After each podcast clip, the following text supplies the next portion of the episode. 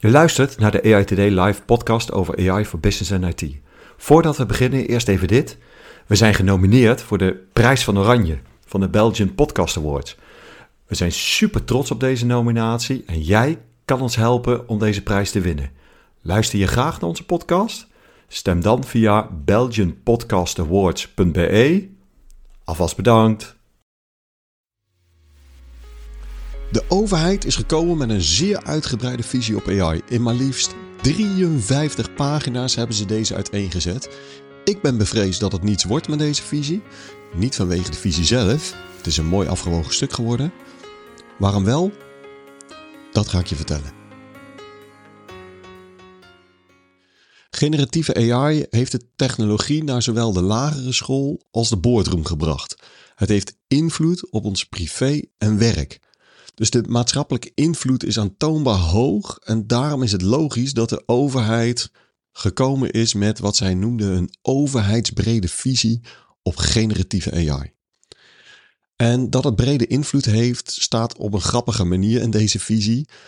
Daar wordt namelijk geschreven: generatieve AI wordt niet alleen gebruikt door professionals, zoals data-analysten, reclamemakers en journalisten, maar het wordt ook ingezet om bijvoorbeeld een Sinterklaasgedicht te schrijven of een gepersonaliseerd weekmenu samen te stellen. Nou, vooral die Sinterklaasgedichten in de overheidsvisie vind ik best wel grappig. Maar even serieus. Het onderwijs worstelt met de onvermijdelijke invoering van generatieve AI. Bedrijven zijn massaal een concurrentiepositie aan het vergroten of verdedigen. En zelfs de overheid moet nog goed uitvinden of en hoe zij bijvoorbeeld ChatGPT kunnen gebruiken. Nou, de visie die nu is uitgekomen is gevraagd vanuit een andere politieke werkelijkheid dan voor de huidige Tweede Kamerverkiezingen. En rondom de vorige verkiezingen was er nog volop roep om een minister van Digitale Zaken bijvoorbeeld. Ook ik heb daarvoor gepleit. En misschien heb ik het gemist, maar deze roep is toch wel verstomd. En ik denk niet vanwege het verdwijnen van de noodzaak, maar vanwege het gebrek aan aandacht van de formerende partijen voor deze zaken. Want de formerende partijen blinken nou niet uit in hun visie over AI in hun verkiezingsprogramma's. In aflevering 52 van het vorige seizoen, seizoen 5, heb ik voor de verkiezingen die programma's van deze partijen uitgeplozen, van alle partijen trouwens, met ja, best wel opvallend dat bijvoorbeeld de PVV er zelfs helemaal niets over AI in heeft staan.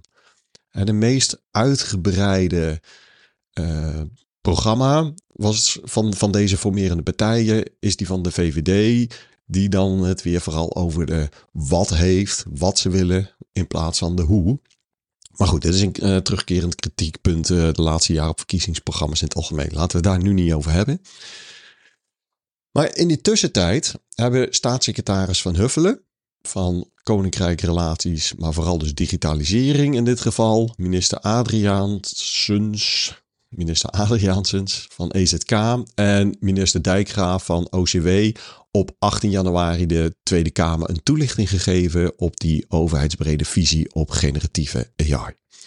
En deze visie op generatieve AI sluit aan op verschillende al lopende miljoenen investeringen vanuit onderzoeksinstellingen, bedrijfsleven en overheden om Nederland beter aan te sluiten, zoals zij zeggen, op de razendsnelle ontwikkeling op het gebied van kunstmatige intelligentie.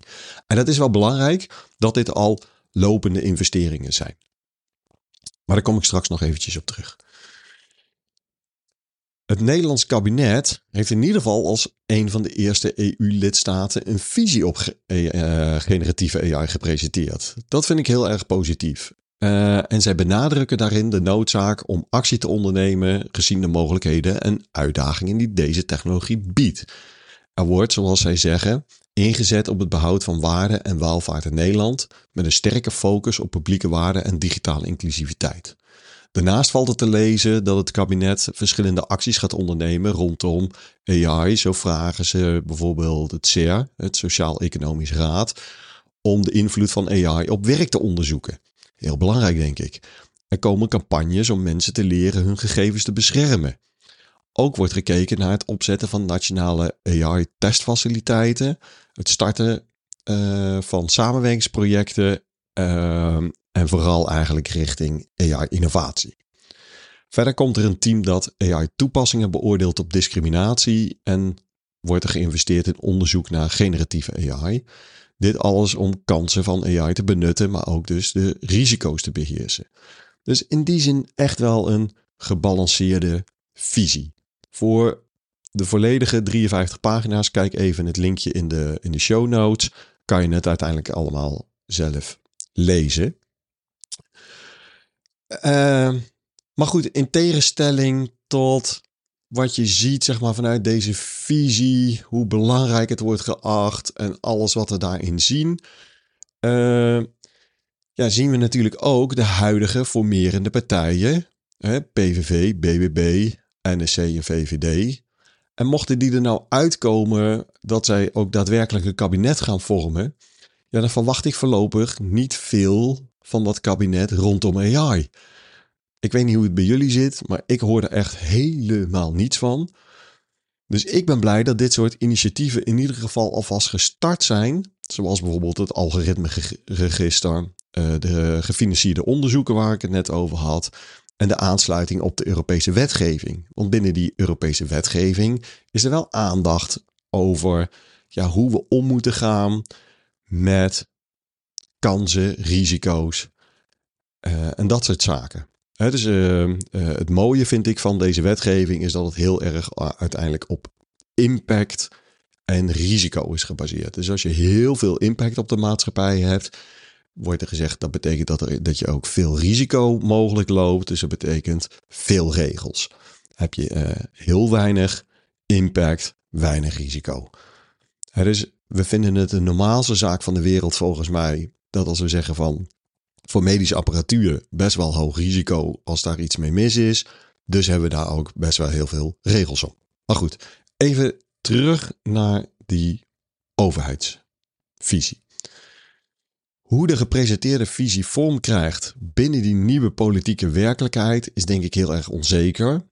En ga ik als positief ingesteld persoon toch zeggen: hoop op het beste, maar ga uit van het slechtste. Maar om wel positief af te sluiten, niet alles hangt af van de politiek. Als bedrijfsleven, onderwijs, journalistiek, reclamemakers en alles wat nog meer werd genoemd in dat visiestuk, kunnen we zelf veel betekenen en zorgen dat de technologie van generatieve AI ons vooral gaat ondersteunen. En we hebben zelf een verplichting voor het bewaken van onze normen en waarden. Ben je het nou hardgrondig met me eens of juist Oneens? Laat het eens weten via de socials. Dankjewel voor het luisteren. Tot de volgende keer.